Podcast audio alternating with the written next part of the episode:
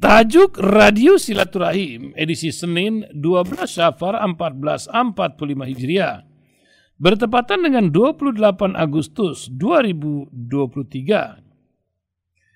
Diberi judul Ibad Ar-Rahman bagian keempat dari Imam Samsi Ali.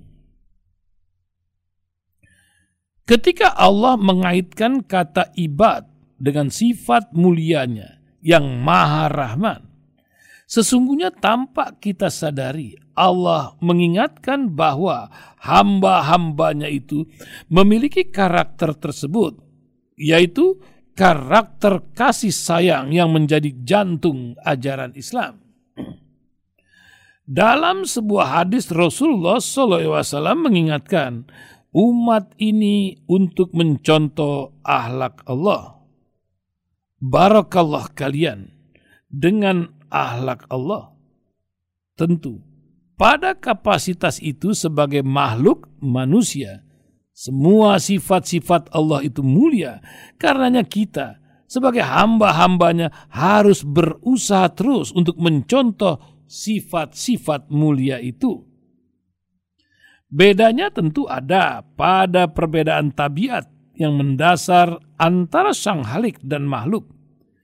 Sifat-sifat Allah pastinya tidak memiliki keterbatasan karena tabiat Allah Subhanahu wa taala yang tiada batas.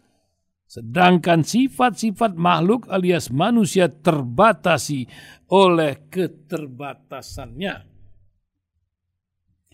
Salah satu karakter yang terpenting yang harus ditauladani dari Allah adalah bersifat kasih sayang, Ar-Rahman ibad ar-Rahman, hamba-hamba yang Rahman, diharapkan memiliki karakter Rahman itu.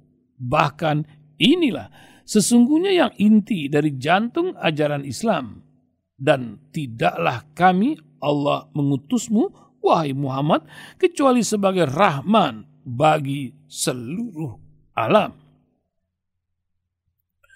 Rasulullah SAW sendiri sebagai personifikasi dari karakter kasih sayang itu telah membuktikan dan mencontohkannya kepada para sahabat dan umatnya.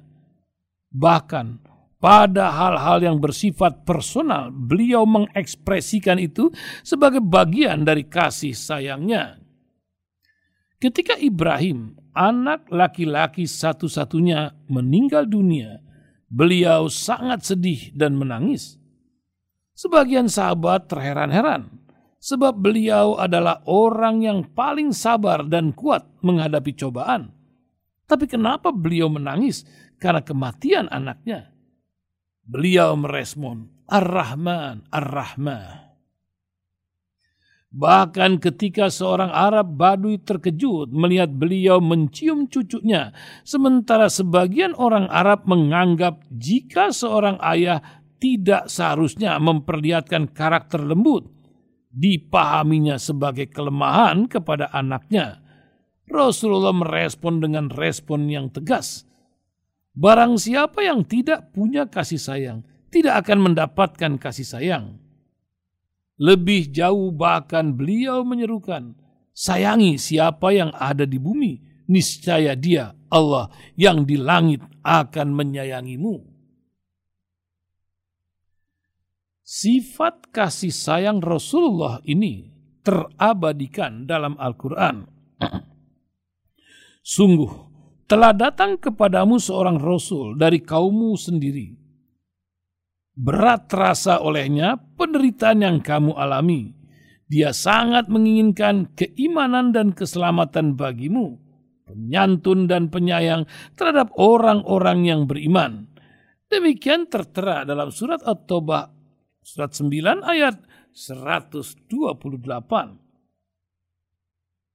Kasih sayang itu yang beliau senantiasa ekspresikan kepada para sahabat bahkan kepada semua orang dan makhluk lain di sekelilingnya termasuk alam hewani dan nabati bahkan lingkungan environment secara umum. Mungkin kita masih teringat seorang sahabat muda yang melanggar aturan puasa Ramadan dengan melakukan hubungan suami istri. Beliau tidak memarahi, apalagi mencaci atau berkata kasar, tapi beliau memberikan kepadanya solusi di al, solusi Al-Quran. Bahkan ketika sang pemuda itu merasa tidak mampu melaksanakan salah satu dari tiga pilihan yang ditawarkan Al-Quran, beliau dengan kasih sayang memberikan solusi kepadanya. Diberikannya korma kepadanya untuk diberikan kepada istrinya. Demikian seterusnya, bahkan di saat-saat dalam keadaan kritis sekalipun, rahmat alias kasih sayang beliau selalu menghiasi karakter dan pribadinya, termasuk di saat perang. Beliau selalu mengedepankan sifat kasih sayang ini. Dan semua itu beliau lakukan bukan karena lemah, apalagi takut. Tapi memang itulah karakter dasar beliau sebagai hamba Allah yang maha rahman. Poin yang ingin saya sampaikan kali ini adalah bahwa pengaitan hamba-hamba Allah dengan sifatnya yang rahman bukan tanpa makna.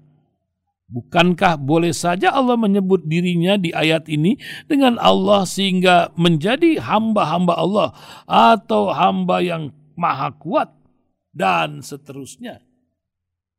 Karenanya, sekali lagi, Pengaitan ini dengan sendirinya sekaligus menggambarkan salah satu karakter hamba-hambanya.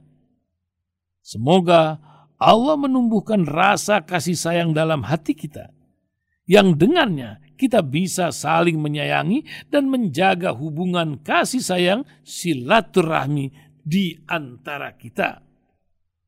Wallahu a'lam bissawab.